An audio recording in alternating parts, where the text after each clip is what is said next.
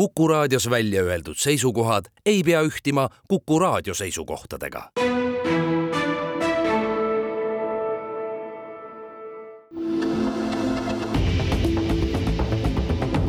kahevahel. kahevahel kena keskpäeva, reede, kahekümne viies august ja Kuku raadio igareedene vestlussaade Kahevahel alustab. saatejuhid on Raul Ranne ja Timo Tarve. on nädal, mis on pakkunud taas väga eriilmelisi uudiseid nii välis- kui sisepoliitikast, aga ka nädal, kus Kuku raadio tihedam kuulaja kindlasti on täheldanud, oleme keskmisest rohkem rääkinud välispoliitikast ja võõrustanud Eesti diplomaate. põhjus on lihtne, Välisministeeriumi suursaadikute päevad on selleks hea võimaluse andnud, me oleme saanud kõneleda meie lähemate ja kaugemate esindajatega maailmas asjust, mida aetakse ja tutvustada teha ka nende lähetusriikidega aga meie diplomaadid on esindatud ka olulistes rahvusvahelistes organisatsioonides, kus ka ise oleme aktiivsed liikmed, nagu näiteks NATO, ja hea meel on täna stuudios pikemaks vestluseks võõrustada Eesti suursaadikut alliansi juures kogenud diplomaati Jüri Luik, tere Jüri! tervist! ja aitäh tulemast! Jüri, me ei saa muidugi üle ega ümber sellest välispoliitilisest uudisest number üks, Ukraina sõja kõrval Jevgeni Prigožini väidetavast hukust või hukkamisest omamoodi efektsel moel. see nüüd otseselt ei puutu teie ampluaasse, aga küsime kui väga kogenud diplomaadi arvamust, mida Wagner armee juhi hukkumine, kui see aset leidis, võib enesega kaasa tuua Venemaale, sealt lähtuvalt juba siis ka Ukraina sõjas? no on üsnagi selge tänaseks, et äh, tegu on teadliku mõrvaga ja on, pole ka mingit kahtlust, kes selle mõrva on ellu viinud. selge on see, et sellisel mehel nagu Prigožin oli eh, sihtmärk selja peal, nagu öeldakse, eh, kohe peale seda, kui ta viis läbi oma ebaõnnestunud eh, riigipöördekatse ja kui nüüd natuke laiemalt sellest teemast rääkida, siis president Putin on ühelt poolt alustanud väga jõhkrat sõda,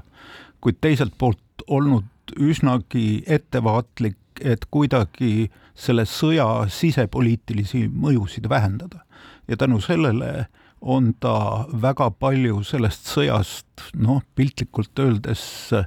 välja müünud mitmesugustele organisatsioonidele, firmadele, eraarmeedele ja nendest kõige tuntum oli muidugi Prigožin ja tema Wagneri üksus. Need olid kaugelt ka kõige efektiivsem üksus, kui me räägime, et Prigožin lasi, oli noh,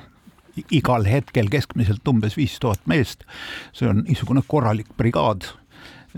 sellele lisandus veel pidev täiendus äh, kõrilõikajatest vangide näol äh, ja kui me räägime Vene armee tegevusest Ida-Ukrainast, siis ainus tõsiseltvõetav rünnak Ukraina vägede vastu tehtigi ju Wagneri poolt. praegu ollakse ikkagi puhtalt kaitsesõjas. ja on selge see, et selle sõja ebaedu on tekitanud Venemaal väga suurt äh, niisugust äh, pinget, eriti nende inimeste poolelt, kes on veel radikaalsemad kui Putin, poliitikud ja ka sõjaväelased, kes usuvad, et selle sõja võiduks tuleks rakendada siis kõiki totaalseid abinõusid, kaasa arvatud laiahaardeline mobilisatsioon. Neil lasti üsnagi kaua aega vabalt tegutseda, sest Putin kasutas neid ka teatava vastukaaluna Vene kaitseministeeriumi tegevusele, eelkõige siis äh, Šoigu, kaitseminister Šoigu ja peastaabi ülema Gerassimovi tegevusele, eh, kes mõlemad on osutunud erakordselt ebaefektiivseteks. Nüüd siis peale seda riigipööret on selge, et Putin on tegelikult äh, sunnitud suud sulgema ka kõigil nendel, nagu nad ise nimetavad ennast, vihastel patriootidel eh, arreteeritud on eh, Igor Kirkin, kes oli ju üks eh, kogu Ukraina aktsiooni alustajatest ja juhtidest kahe tuhande neljateistkümnendal aastal Ida-Ukrainas ja mis võib-olla veel olulisem, vallandatud on kindral Surovikin, kes kahtlemata oli ülikriitiline äh, Vene kaitseministeeriumi suhtes, aga samas oli ainus efektiivne kindral. Ja tema eh, tarkadel otsustel põhineb ka see asjaolu, et Vene rinnet ei ole täna läbi murtud, ehk siis äh, niinimetatud Surovikini liin, mis praegu kaitseb äh, Vene vägesid ja hoiab ära ukrainlaste pealetungi või kas või see, kuidas Surovikin väga efektiivselt tõi Vene väed välja tule alt Hersonis. nii et äh, ühelt poolt jah, Putin on täna saavutanud tugeva kontrolli selle mõrvaga, on selgelt demonstreerinud oma kontrolli äh, julgeolekustruktuuride üle, aga teisest küljest on ka kaotanud seoses sellega kõige efektiivsemad väeüksused ja väejuhid ja tegelikult on olnud nüüd sunnitud kogu vastutuse selle operatsiooni eest enda peale võtma, mida ta väga pikka aega on vältinud. härra Luik, ega te mm, eile ei sattunud vaatama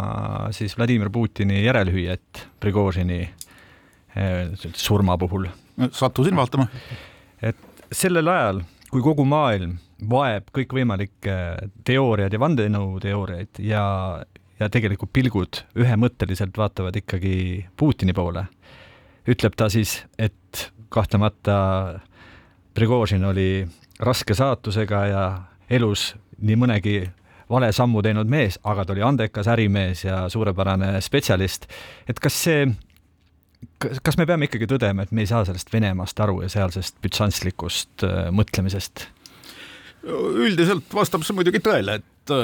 Vene äh, sisepoliitikat sajaprotsendilise tõenäosusega hinnata on, on ülimalt keeruline. teisest küljest see Putini kõne äh, minu arvates peegeldas seda, et Vene julgeolekustruktuurides ja ka tegelikult Vene ühiskonnas on siiski piisavalt palju inimesi, kes hindasid Prigožinit kui sõjakangelast ja inimest, kes pani näpu peale väga paljudele äh, Vene ühiskonna probleemidele, kuni oligarhideni välja, keda ta ju mäletatavasti väga võimsalt kritiseeris. nii et äh, Putini otsus ähm, lehvitada järgi äh, Prigožinile niisuguses ettevaatlikus äh, peaaegu et positiivses toonis on selgelt täiesti taktikaline ja ma usun, et oli, oli, oli ju arusaadav Putini jaoks, et kui toimus see mässukatse või riigipöördekatse, siis väga palju inimesi jõustruktuuride juhtidest, kes oleks pidanud asuma presidendi ja Moskva kaitsele, seda ei teinud. nii et äh, on ka täiesti selge, et äh, Putin peab endiselt tegutsema ettevaatlikult ja oma vastaseid likvideerima nii-öelda samm-sammult. No ütleme, Surovikin siin vabastati äh,, aga mina tema asemel siiski ei läheks lähedale ühelegi aknale, vähemalt mitte kõrghoonete juures ja selliseid inimesi, ma usun, Vene struktuurides on veelgi, aga Putini stiil on selline, et ta tegutseb aeglaselt, ettevaatlikult, väga metoodiliselt. aga nagu öeldud, teisest küljest paradoksaalsel kombel on praegu juhtumas see, mida ta võib-olla kõige rohkem pelgab et vastutus selle operatsiooni eest on nüüd süvenevalt isiklikult tema enda õlul, ta peab käima eh, rindel või noh, mitte päris rindel, siis vähemalt rinde lähedal eh,, näitama seda, kuidas ta juhib operatsiooni eh, ja loomulikult sellega seoses olema seotud ka kõigi nende otsustega, mis, mis sellel sõjalisel operatsioonil tehti. ja võib-olla teine aspekt on ka see, et Wagner on siiski hiiglaslik, ta ei olegi nagu õieti organisatsioon, vaid ta on kogum kõikvõimalikest ettevõtetest, firmadest, salaorganisatsioonidest, Wagneril on ju endiselt üksused Aafrikas, Süürias, Liibüas on endiselt ka eh, olemas see kuulus kübertrollide armee, nii et kogu selle süsteemi lahtiharutamine ja Vene võimude kontrolli alla võtmine on ka väga keerukas ja väga delikaatne operatsioon, sest noh, ütleme, et sellised Aafrika liidrid nagu Malis, Burkina Fasos ja Nigeris riigipöörde läbi viinud kolonelid muidugi väga loodavad sellele, et Wagner ehk siis Vene Föderatsioon neid endiselt kaitseb ja kuidas seda nüüd korraldada olukorras, kus Wagner on on sisuliselt likvideeritud, kuna kogu tema juhtkond on likvideeritud, kaasa arvatud Prigožini asetäitja ja julgeolekuülem ja kõik, kes seal lennukis olid. see on muidugi omaette, omaette pähkel Vene võimudele siinkohal lõpetame järelhüüde Prigožinile, teeme väikse reklaamipausi ja jätkame juba siis NATO teemadel rohkem. kahevahel. kahevahel saates Kahevahel võõrustavad Raul Ranne ja Timo Tarve täna Eesti suursaadikut NATO juures Jüri Luike Vilniuse sellesuvine kahtlemata emotsionaalne NATO tippkohtumine ja tema üks peamiseid otsuseid oli siis NATO-Ukraina nõukogu loomine. kuidas see nõukogu on käivitanud, kuidas näeb välja tema igapäevatöö? ja tõepoolest tippkohtumine, esiteks nii sellele eelnenud päevad kui ka tippkohtumine ise oli päris emotsionaalne. seal langetati palju otsuseid, muuhulgas näiteks otsused, mis puudutavad Eesti kaitset heidutust, kaitseplaanid, kõik muu selline, aga vaieldamatult poliitilises mõttes kõige teravam teema oli, mida teha Ukrainaga tulevikus, kuidas NATO saab Ukrainat aidata. see teema on seda keerulisem, et tegelikult äh, mõned NATO suured riigid, eelkõige Ameerika Ühendriigid, see pole eriline saladus, on hoidnud NATO-t eemal niisugusest tänasest Ukraina abistamisest, kartes, et liigne NATO aktiivsus äh, annab venelastele kätte propagandakaardid ja võib viia ka asjatule sõjalisele eskalatsioonile Venemaa ja NATO vahel. et selles mõttes väga palju NATO abistamisest äh, tehakse läbi nime, niinimetatud Rammsteini grupi, mis on siis no ütleme niisugune ad hoc organisatsioon äh, relvaabi andmiseks, mis töötab väga efektiivselt ja mida juhibki Ameerika Ühendriikide kaitseminister Austin. aga selles raames siis äh, hakati otsima Vilniuses neid elemente, kus äh, NATO võiks olla oluliseks toeks Ukrainale. no esiteks muidugi poliitilised konsultatsioonid, sest tegelikult ka kõik need relvad, mis Rammsteini grupis otsustatakse anda, ütleme, et see filosoofia, äh, kuidas ja mis relvastust anda, seda väga paljuski ikkagi arutatakse NATO-s kui põhilises lääneriikide sõjalises äh, organisatsioonis, mis on ka põhiline konsultatsiooniorgan. ja samas puudutab see mm, nii-öelda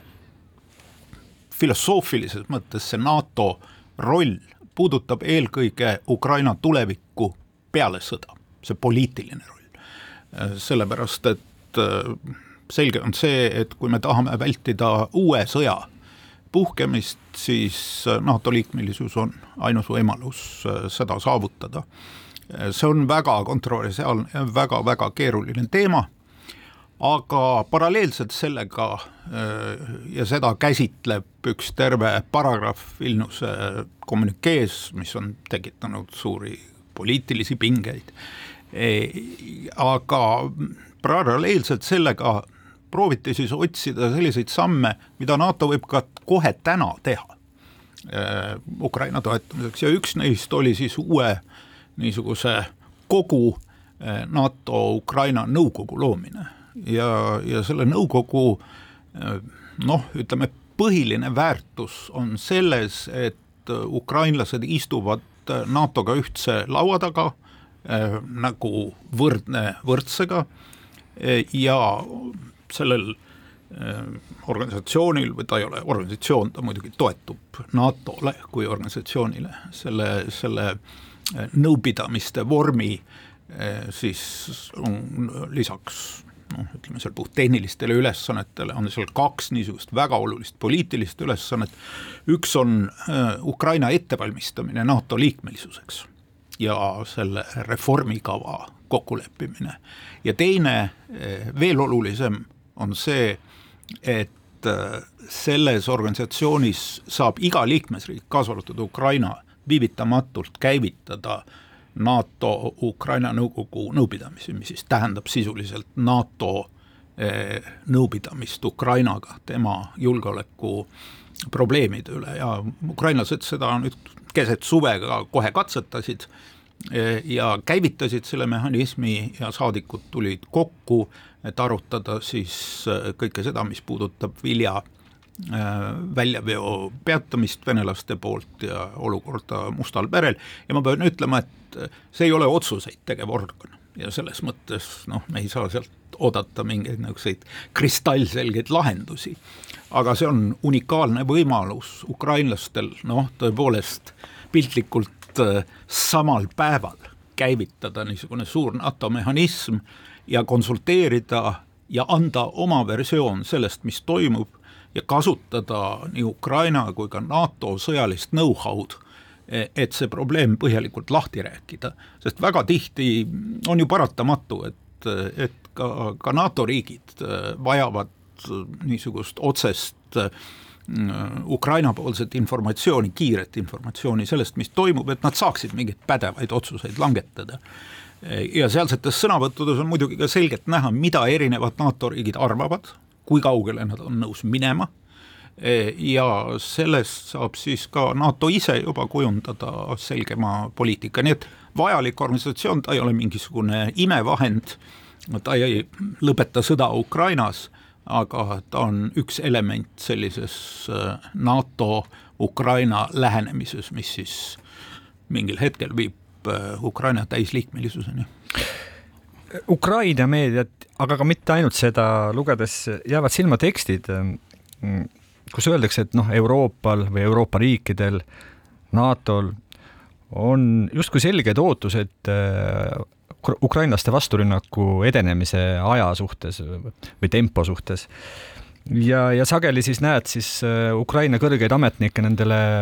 vastu vaidlemas või selgitamas seda olukorda, et miks ei edeneta nii, nagu võib-olla ise oleks tahtnud ja mis seal segab ja mis mitte. kas on teada, nüüd Euroopal või ameeriklastel või NATO-l tervikuna mingisugused, tõepoolest mingisugused tärminud või, või mingisugune aeg, et, et kuulge, edenege nüüd kiiremini, sest meil on siin juba teised plaanid või on see selline noh, kellegi üksikisiku võib-olla väljaütlemine, aga mitte nüüd tervikplaan? see on äh,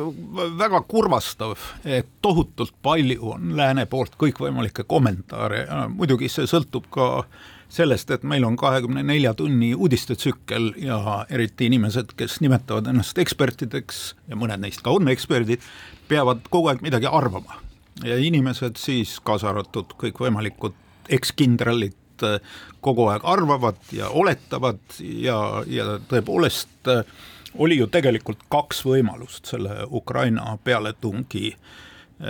osas üks võimalus oli, et nii nagu juhtus Harkovi all või nagu juhtus Hersoni juures, Vene rinne lihtsalt põgenes, Vene rinne kukkus kokku ja sõdurid põgenesid. nüüd teine võimalus, mis on praegu realiseerinud, on siis see, et rinne ei kuku kokku, vaid Venemaa siiski suudab arendada efektiivset kaitsetegevust. Ja üks põhjus, miks nad seda suudavad teha, on see, et seesama kuulus kindral Surovikin ehitas selle oma kaitseliini, selle Surovikini liini üsnagi sügavale eh, Vene enda tagalasse, kui nii võib öelda, et oli, oli isegi ka Venemaal väga üllatunud inimesi, et no miks ta sinna seda liini ehitab, et noh, meie kangelaslikud väed lähevad rünnakule ja mees raiskab raha ja ehitab mingeid betoonehitisi, paneb miine ja, ja, ja ehitab seal mingeid kuulipildu ja pesi, et noh, milleks seda kõike vaja. aga täna on selgunud muidugi, et see oli kõige targem asi, mida üldse võis, võis teha. E, ja loomulik, et sellisest e, takistuste ribast mis ei ole sugugi riba, vaid mis on kümnete kilomeetrite äh, sügavune, läbi murda, kus on kolm kaitseliini, äh, iga liini vahel on paksult tankitõrje ja ka äh, siis jalaväevastaseid miine, kus on kuulipilduja-pesad, kus on tankid, noh, ütleme, et seal ei ole võimalik teha niisugust hullumeelset läbimurret, miks, miks Zelenskõi räägib, et see ei ole sõjafilm üks põhjus on just see, et seal ei ole võimalik teha niisugust hullumeelset läbimurret, kus tankid tulevad üle põllu, nagu me oleme näinud sõjafilmides ja kõik laheneb. et see on niisugune väga, väga raske, keeruline töö ja ütleme, Zaporižžja oblastis, mis on eh, võib-olla strateegiliselt kõige olulisem koht, on ikkagi ukrainlased samm-sammult suutnud äh, läbi murda niimoodi, et nad on sellest esimesest kaitseliinist, mis on kõige keerulisem ja kõige raskemini kaitstav, äh, jõudmas juba paari kilomeetri kaugusele teisest kaitseliinist. aga see on tõesti niisugune aeglane, mm, aeglane liikumine äh, ja minu arvates tuleb lääneriikidega rääkides ja ma olen ka oma vestlustes alati rõhutanud, et me ei saa esitada liigseid nõudmisi olukorras, kus me ei ole ise viinud kohale isegi seda relvapaketti, mille puhul me usume, et see on absoluutselt hädavajalik. kõige olulisemad on muidugi lennukid, F-kuueteistkümned, me näeme, kui aeglaselt ja keeruliselt läheb see, mööngem, see on väga keeruline projekt, aga, aga see läheb ka ülimalt aeglaselt ja raskelt. Ja sama on siis äh, pika tegevusraadiusega rakettide andmine Ukrainale, kus tõesti Inglismaa ja Prantsusmaa tegid väga julgelt äh, otsa lahti, aga Saksamaa ja, ja Ameerika Ühendriigid, kellel on väga palju selliseid rakette, äh, on siin noh, kõhklevad, kuigi tänaseks võib öelda positiivselt kõhklevad, et nad ma usun, ühel hetkel selleni jõuavad, et need raketid antakse, kõik see saabub nagu astme võrra liiga hilja ja see muidugi raskendab seda, seda pealetungi, nii et minu soovitus on alati küsida, et kas see on Ukraina raskus, et sellest kaitseliinist läbi murda või on see tegelikult meie ühine probleem, et kaitseliinist läbi ei murta ja ma tegelikult arvan, et see on meie ühine probleem, sest me ei ole andnud kõike seda, mis oleks vajalik selleks ülesandeks. Jüri, nagu te ütlesite, kõik need ekskindralid, kellel on tingimata vaja midagi arvata, laiendagem neid siis nüüd eksjulgeolekunõunikud või kes nad iganes on, arutlevad ka üsna palju selle üle, noh, mingisugune rahuplaan kogu aeg on kuskil õhus, mida siis takkajärgi loomulikult üritatakse oma sõnu siis siluda, et ei mõeldud päris täpselt seda, aga no ikkagi jääb õhku see, et jätame Ida-Ukraina nii, nagu on ja Krimm nagu on, aga et istugem laua taha ja nõnda edasi. Aga on ju selge, et see kõik saab alata üksnes Ukraina enda tahtel, initsiatiivil ja nende seatud tingimustel, et äh, kas see kompamine ja otsimine rahuplaani jaoks ja laua taha istumiseks, see käib vist kogu aeg ikkagi selle arenduse taustal? see käib ja äh, lõpuks, eks lääneriikidele on ka niisugune loomulik instinkt otsida, et kas on olemas mingid diplomaatilised äh, võimalused lahenduse saavutamiseks, aga selge on see, et nendel tingimustel nagu Ukraina ja Lääs on valmis seda sõda lõpetama, ehk siis Ukraina territooriumi täielik vabastamine, neil tingimustel mingeid rahuläbirääkimisi praegu ei sünni, sest venelased on sellest nii, nii kaugel sellest positsioonist. Ja muidugi siis tänaseks on tekkinud juba hiiglaslik hulk kolmandaid riike, BRICS-i riigid, kes ju said äsja kokku Lõuna-Aafrikas, kes siis rõhutavad ka läb-, rahuläbirääkimisi, välja arvatud muidugi Venemaa, aga hoopis teistel kaalutlustel, kes lihtsalt tahavad, et see sõda lõpeks ja kes ei muretse väga palju selle üle, mida Ukraina peab ära andma või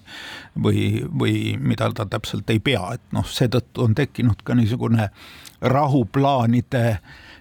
paljusus äh, alates paavstist ja lõpetades äh, Aafrika liidritega, noh nüüd suur julgeoleku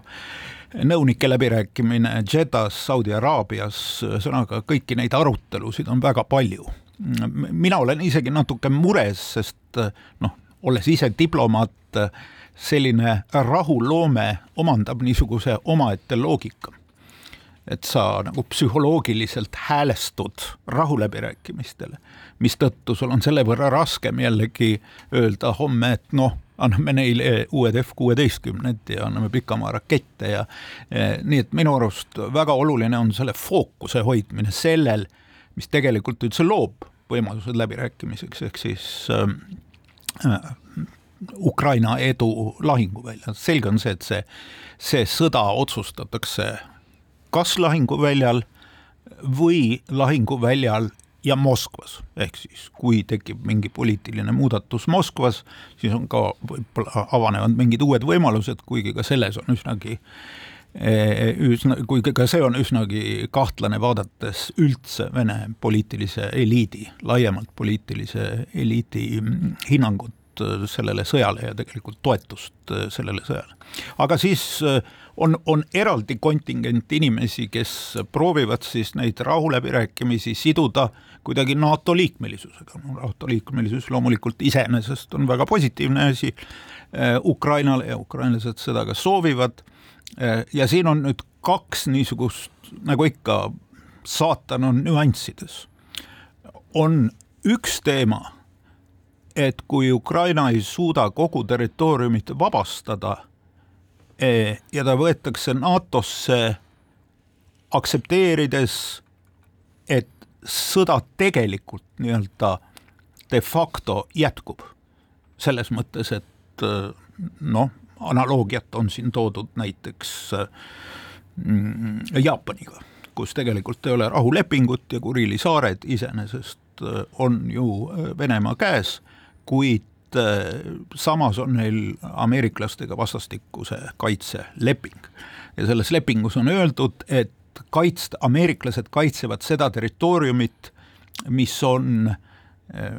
noh, ütleme siis Jaapani valitsuse administratiivse kontrolli all. ehk siis ühesõnaga, kas tingimata peab sõda olema totaalselt läbi, enne kui Ukraina NATO-sse võetakse. ja nüüd hoopis teine asi on see, kui Ukraina peaks tegelikkuses lihtsalt loobuma mingitest territooriumitest, ütlema, et mitte mingil, et me anname midagi ära. no, noh, see on täiesti välistatud ja, ja kõik need inimesed, kes sellest räägivad, noh, räägivad millestki, millest nad aru ei saa. kahevahel. kahevahel saade Kahe vahel jätkub, stuudios on ajakirjanikud Timo Tarve ja Raul Ranne ning meie küsimustele vastab Jüri Luik, Eesti alaline esindaja NATO-s. ja Jüri, Vilniuse kohtumise juurde tagasi tulles suvel, siis sealt äh, üks oluline otsus oli G7 riikide initsiatiivist, nende riikide deklaratsiooni alliansi loomine. selle initsiatiiviga liitus nüüd ka Eesti ja selle liitumise aegu kõlasid sõnad, et see annab Ukrainale julgeolekutagatised, aga mitte julgeolekugarantii. see on nüüd küll täpselt see koht, mida tuleb diplomaadilt küsida, kuidas seda mõista? Jah, selle termini puhul no ütleme niimoodi, et äh, inglisekeelne termin on siis äh, commitments and assurances äh, ja, ja mm, siis security guarantees on siis niisugune raskem või, või karmim termin. lühidalt öeldes võib öelda nii, et julgeoleku tagatis on rida abinõusid, mida võetakse siis ette selleks, et Ukraina oleks sõjaliselt tugevam nii praegu sõja ajal kui ka peale sõda, et Ukraina heidutaks Vene vägesid peale sõda sellega, et ta on lihtsalt ise nii tugev. seda vahel nimetatakse ka Iisraeli variandiks. Äh, kuigi võrdlus Iisraeliga ei ole siin tegelikult väga sobiv, aga see on omaette pikk äh, analüüs. nüüd äh, see, mis puudutab praegu Ukraina abistamist, see ei ole üldse problemaatiline, see on väga positiivne, et G7 on võtnud niisuguse pikaajalise eesmärgi ja et sellega saavad ka ühineda kõik need teised riigid, kes soovivad Ukrainat abistada, see on ühelt poolt nii poliitiline samm, kui ka teiselt poolt on sellel muidugi suur praktiline väärtus. Sõlmitakse kahepoolsed lepingud, meile on öeldud, et need saavad olema suurriikidel vägagi konkreetsed, rääkima konkreetsest relvaabist, erinevatest väeliikidest, mida toetatakse, konkreetsetest rahasummadest. Ja see on loomulikult positiivne. eelkõige ka selle tõttu, et demokraatlikes riikides toimuvad valimised ja noh, kui me võtame näiteks Ameerika Ühendriikide, siis on omaette väärtus sellel, kui on paberi peale pandud mingisugused lubadused äh, Ukrainat aidata, äh, sest ühel või teisel viisil mõjutavad neid ju kindlasti ka järgmist administratsiooni, ükskõik milline see administratsioon siis saab täpselt äh, täpselt olema. nüüd natuke keerulisem on see, mis toimub peale sõda, sest algselt oli see G7 projekt mõeldud NATO aseainena. ja meie oleme kogu aeg rääkinud ja ukrainlased ise on kogu aeg rääkinud, et see ei saa olla NATO aseaine, sest sisuliselt see noh, ütleme niisugune hoiatus või, või heidutus, mis selles leppes sisaldub, on see, et kui venelane uuesti ründab, siis me anname uuesti sõjalist abi ja anname veelgi suuremat sõjalist abi. ühesõnaga heidutatakse sõjalise abiga ja meie ütleme, et ainus reaalne heidutus, et hoida ära venelaste rünnak, on see, kui NATO ütleb ja see on siis nüüd see julgeolekugarantii. kui teid rünnatakse, me oleme kõik sõjas, siis julgeolekugarantii on ainult artikkel viis NATO-s, mingeid muid julgeolekugarantiisid olemas ei ole ükski NATO riik, kaasa arvatud Ameerika Ühendriigid, ei taha pakkuda mingit eraldi julgeolekugarantiid. me nägime Teise maailmasõja eel kui Prantsusmaa ja Inglismaa olid andnud Poolale julgeolekugarantii, just nimelt kahepoolse julgeolekugarantii, kuidas see kõik välja kukkus, et NATO tugevus on just selles kollektiivses julgeolekugarantiis, selles massis, selles jõus, mida NATO on suuteline välja panema, kaasa arvatud siis loomulikult ka siia juurde käib tuumaheidutus, nii et võib sada protsenti väita, et kui Ukrainast saab kunagi NATO liige, siis Venemaa teda enam ei ründa. ja kui Ukraina oleks praegu olnud NATO liige, siis Venemaa ei oleks teda kindlasti rünnanud. kuulge, Berliin nüüd loobus viimasel minutil juriidilise kohustuse võtmisest, mis oleks Saksamaal lubanud jõuda NATO soovitud tasemele ehk olukorrane, kus riigikaitsekulud moodustaksid vähemalt kaks protsenti SKP-st. kas see samm oli pigem Saksamaa sisepoliitiline reaalsus või kuidas seda üldse tõlgendada? Noh, nagu ikka, kulutused on alati seotud sisepoliitilise reaalsusega, sest äh, üks asi on öelda, et äh, me peame kahte protsenti oluliseks ja võtame selle eesmärgiks et teine asi on kirjutada see otseselt seadusesse, isegi Eestis, kes on tuntud oma kaitsekulutuste poolest, on see meil ju Riigikogu poolt äh, vastu võetud julgeolekupoliitika aluste mm, dokumendis, aga mitte seaduses, eelarveseaduses, sakslased tahtsid selle kirjutada eelarveseadusesse sisse. ja tõepoolest, viimasel hetkel siis äh, tekkis koalitsiooni sees väike ebakindlus, sest selge on see, et Saksmaa, Saksamaa puhul kaks protsenti mõjutab juba väga oluliselt äh, Saksa eelarve sisu. Ja muidugi mitu koalitsioonipartnerit, kõik tahavad sealt midagi saada eelarvest, keegi ei taha ka makse tõsta, Saksa koalitsioonis on äh, ju Saksa vabad demokraadid, kes on igasuguse maksude tõstmise vastu, äh, nii et praegu siis jäädi sellele printsiibile, et peab olema kaks protsenti keskmine viie aasta jooksul. Ja miks, noh, tekib küsimus, miks just viie aasta jooksul, see on paljuski seotud sellega, et äh, Saksa riik on loonud niisuguse eraldi fondi ja kui selle fondi rahad juurde arvata, siis jookseb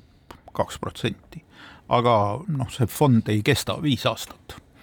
nii et seal siis tuleb nende summadega mängida, tegelikult sama teema on näiteks soomlastel. Soomlastel on lisaks tavalisele kaitse-eelarvele hiigelsuur fond, mille ainus ülesanne on F kolmkümmend viite ostmine, mis on nagu noh, ütleme eelarveväline või eelarve kõrval ja see mõjutab nende kaitsekulutuste protsenti. nii et äh, mida loomulikult noh, Eesti on alati eelistanud, on see, et tegu on ikkagi selgelt eelarvelise pikaajalise kulutusega, mis on osa eelarve struktuurist, mitte midagi erakordset väljaspool mingites fondides olevat.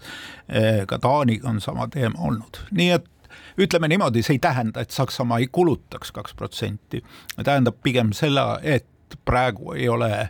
sellist õiguslikku kohustust võetud, sest kohe, kui see fond lõpetab siis peaks Saksamaa lisama kakskümmend miljardit oma kaitse-eelarvele, noh,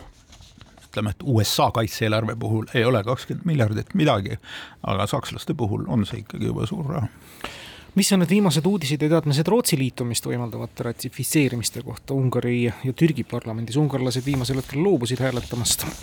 lükkasid edasi mingitel põhjustel ja türklased lubasid seda teha kõike siis, kui neile olulised seadused on läbi hääletatud jah, muidugi meile mõjub see erakordselt kurvalt, et see Rootsi liikmelisus on nii äh, pikalt venima jäänud, sest noh, jällegi ei ole vaja olla eriline strateeg, piisab pilgust kaardile, et aru saada, kuivõrd oluline see ka sõjaliselt äh, on Eestile ja loomulikult ka poliitiliselt, selles ei ole ka kahtlust. Äh, pole ju no ütleme, kõigile on ju selge, et Äh, president Erdogan väga pikka aega kriipsutas alla seda Rootsi probleemi ja sellest sai osa ka valimiskampaaniast, see oli valimiste ajal üks teema, mida äh, välja käidi. Äh, valimised on läbi ja üldiselt tundus, et on leitud mingisugune mõistlik kompromiss, Rootsi on vastu võtnud oma terrorismi vastase seaduse. Eh, ütleme otseselt mitte seotuna kuulub sellesse paketti ka ameeriklaste nõusolek müüa mm, eh, Türgile F kuuteist, seda kõige uuemat varianti, kus on eriti peenelektroonika ja mida muidu Türgile ei müüdud, nii et no tundus, et see pakett on koos. ja ma endiselt loodan, et oktoobrikuus see siiski hääletatakse läbi, ungarlased ei olegi õieti öelnud, miks nad ei ole ratifitseerinud, nad on alati öelnud, et nemad ratifitseerivad kindlasti eelviimasena. nii et kui siis ühel hetkel türklased tormavad ratifitseerima, siis ungarlased peavad olema hirmust nobedad. aga nad mingit muud põhjust tõesti toonud, toonud ei ole. aga nüüd natuke on hakanud Äh, see asi märk mängima Türgi sisepoliitikas vastupidisel moel. seepärast, et väga paljud provokaatorid on läinud Stockholmi kesklinna Koraani põletama, sellest on tulnud suur teema Araabia riikides, no ütleme laiemalt islamiriikides, äh, olukord on väga pingestunud, Rootsi diplomaadid paljudes Araabia riikides, eelkõige Iraagis, Iraanis, on, on reaalse noh, füüsiliste ähvarduste objektid, ka Stockholmi kesklinnas toimub igasugu provokatsioone, nii et äh, ühel hetkel võib tekkida olukord, kus Erdoganil, isegi kui ta tahaks, saab olema keeruline selle ratifitseerimise läbiviimine, nii et mida pikemaks see venib, mida ebakindlam see protsess on, seda rohkem annab see Äh, ruumi kõikvõimalikele provokaatoritele, tulgu nad siis kurdide hulgast või nagu ka avalikud andmed näitavad väga tihti Vene äh, provokaatorite ja, ja Vene taustajõudude abil äh, korraldatakse neid Koraani põletamisi. siinkohal taas reklaamipaus ja jätkame siis saadet kohe vahel. Kahevahel kahevahel. saade Kahevahel Raul Ranne, Timo Tarve saatejuhtidena võõrustamas Eesti esindajat NATO juures Jüri Luike, suursaadikut.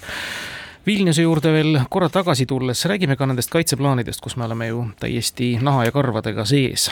Te ei saa ilmselt väga palju neid detaile kommenteerida, sest et eh, üht-teist on seal ikkagi kaetud saladuse looriga, aga üldisemalt siiski, mis need plaanid on olemuslikult, mis on nüüd töösse läinud ja mis juba tegelikult enne Vilniust kokku lepiti, ega seal allkirjad said? jaa, need on väga olulised dokumendid, sellepärast et nende dokumentide alusel hakatakse planeerima ka neid vägesid, sest lõppude lõpuks ükski plaan ei pea sõda, sõda peavad ikkagi konkreetsed väed, konkreetsed juhtimisstruktuurid, konkreetsed ma ei tea, side- ja logistikalahendused, Eh, seda kõike pole mõtet niisama õhku ehitada, see peab olema ikkagi väga selgelt seotud konkreetsete plaanidega ühe või teise NATO riigi kaitseks. ja tõepoolest nüüd eh, need plaanid, eh, mis on vastu võetud, need lähtuvad mõningatest uutest ja väga olulistest printsiipidest, mis siis on ka vastavalt detailselt lahti kirjutatud. nagu sa, Timo, ütlesid, väga paljut sellest ei saa ma rääkida, ma võin nii palju öelda, kuna seda on ka väga hästi kirjeldanud siis NATO sõjalise komitee esimees admiral Bauer, kelle üsnagi detailne briifing on saadaval ka internetis, soovitan kõigil lugeda, väga huvitav, kes, kes huvi tunnevad. laias laastus on siis tegu kolme plaaniga, mis siis hõlmavad endas kogu äh, seda osa territooriumist, mida suure tõenäosusega NATO-l tuleb kaitsta ja nende plaanide alase siis juhtimisega tegelevad kolm NATO operatiivstaapi üks neist staapidest asub Ameerika Ühendriikides äh, Norfolgis, mis on suur mereväebaas, teine asub Hollandis Brunsumis äh, ja kolmas siis äh, Vahemere ääres kaunis Naapolis. ja see plaan hõlmab siis vägede ülesehitust, tegevust alates no ütleme, NATO-s on, nagu öeldakse, viis sõjapidamise domeeni, need on siis maaväed, mereväed, õhuväed, kosmos ja küber. nii et niisugused väga, väga laiahaardised plaanid. Ja nende põhiline noh, niisugune alusprintsiip on see, mis lepiti kokku ju tegelikult äh, juba Madriidi tippkohtumisel, see, mida me eesti keeles nimetame ettepaigutatud kaitseks või, või takistusheidutuseks, ehk siis et äh, vastasega ei hakata mängima mingit väga peent sõjalist mängu kuskil NATO sügavuses, vaid äh, nii-öelda kaitsetegevus äh, algab piltlikult öeldes kohe piirist äh,, vastane peab arvestama, et äh, esimesed lahingud tuleb lüüa kohe äh, NATO riigile äh, siis NATO riiki sissetungimise katse puhul. nii et see lahendus on muidugi eriti Eestile väga oluline, just kui me räägime sellest terminist ettepaigutatud, siis ütleme noh, kui me vaatame kogu NATO territooriumit, siis äh, loomulikult NATO territooriumi sügavus on väga suur. Aga kui me vaatame Eestit, siis noh, piltlikult öeldes meie olemegi see ettepaigutatud osa NATO-st, nii et et äh, siin äh, need lahendused äh, on meile väga olulised, aga nad eeldavad ka hoopis teist tüüpi vägede arendamist,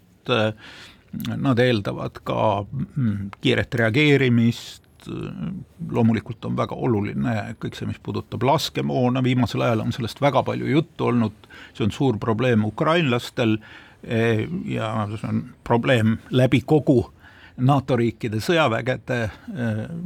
väga oluline on vägede siirmine Eestisse, sest sugugi mitte kõik need väed, mida vaja on, ei asu pidu, ei asu pidevalt Eestis, nii et siin on väga palju kõikvõimalikku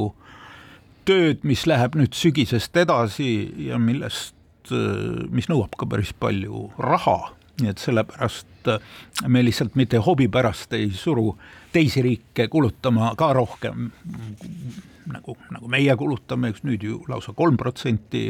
riigikaitsele, et see ei ole meie jaoks mingi abstraktne küsimus, vaid see on küsimus, kas teistel riikidel on piisavalt ressursse, et meile appi tulla vajaduse korral. nii et äh, umbes, umbes sellisel maastikul me liigume. Me naabrid lätlased on nüüd äh, palju panustamas NATO hüvanguks, plaanitav sõjamoonatehas, lai harjutusala ja nii edasi millega saaks Eesti siin assisteerida? noh, tegelikult ju Eestist on tulnud väga palju äh, kõikvõimalikke lahendusi, aga ka kõikvõimalikke noh, niisuguseid ühiseid äh, mõtteid, ühiseid lähenemisi, mis puudutavad näiteks relvade ostu, et ei ole saladus, et Eesti ja Läti ostavad äh, samasuguseid õhutõrjesüsteeme, ostavad samasuguseid äh, rannikukaitserakette, väga paljusid muid äh, kaitseelemente. Ja nagu see uus, uued sõjaplaanid ette näevad, ei ole ju juhuslik, et nende plaanide nimetus on regionaalsed plaanid selge on see, et see kõik puudutab regiooni tervikuna ja, ja seetõttu me peame ka vaatama nii Balti regiooni kui laiemalt seda meie regiooni tervikuna e, ja kaaluma, et millised on siis sellised lahendused, mida me peame ühiselt välja arendama ja sellised, mida siis üks või teine riik peab välja arendama. Adaži, mis on siis suurim polügoon Balti riikides, noh, ütleme niimoodi, et lätlased säilitasid omal ajal ühe suure Nõukogude polügooni, mille pinnale siis nüüd ehitatakse äh, seda veel suuremat ja veel võimsamat polügooni ja seda kasutavad kõik kolm Balti riiki oma õppuste jaoks. Eestis ei õnnestuks sellist polügooni enam ehitada. nagu me näeme Nursipalu äh, loost, äh, lihtsalt noh, ütleme, tsiviilühiskond ei aktsepteeriks äh, sellise mõõtmega polügooni ehitamist, omal ajal peale siis Nõukogude vägede lahkumist Eestis oli Eestis väga suur polügoon, niinimetatud Aegviidu polügoon, aga Eesti toonane valitsus jagas ja, ja iseenesest oli see väga positiivne otsus, tollel ajal andis tagasi kogu selle territooriumi eh, endistele õigusjärgsetele omanikele ning nüüd on seal talud, põllud ja nüüd me ostame siis tagasi sealt inimestelt ja proovime, proovime nendega kokkuleppele jõuda. nii et siin on ka tehtav niisugune ajalooliselt erinev käitumine Eesti ja, ja Läti vahel. aga me proovime jah, kõike ühiselt teha, on asju, kus äh, kõike ei ole võimalik teha, aga praegune Eesti kaitsevägede polügoonide kapatsiteet on ka kaugelt liiga väike. et kui me mõtleme, et meil on juba praegu siin väga suur hulk soomustehnikat, mida on toonud britid, meil on soomustehnika, mida hoiavad siin ameeriklased äh, ja loomulikult me ostame ka ise kogu aeg soomustehnikat ja, ja nagu me kõik teame, kasu on sellest ainult juhul, kui keegi sellega mingit väljaõpet saab meie aeg saab kahjuks otsa, küll vestleks veel, aga täname lõpetuseks head suursaadikut Jüri Luike meelest uudisse tulemast, neid laiapõhjalisi selgitusi jagamast. ütleme kuulajatele, et pärast uudiseid on eetris siis juba põhjalikumalt sisepoliitikasse süüviv poliitikakur. veel kord aitäh teile, ilusat suve lõppu! Kahevahel. kahevahel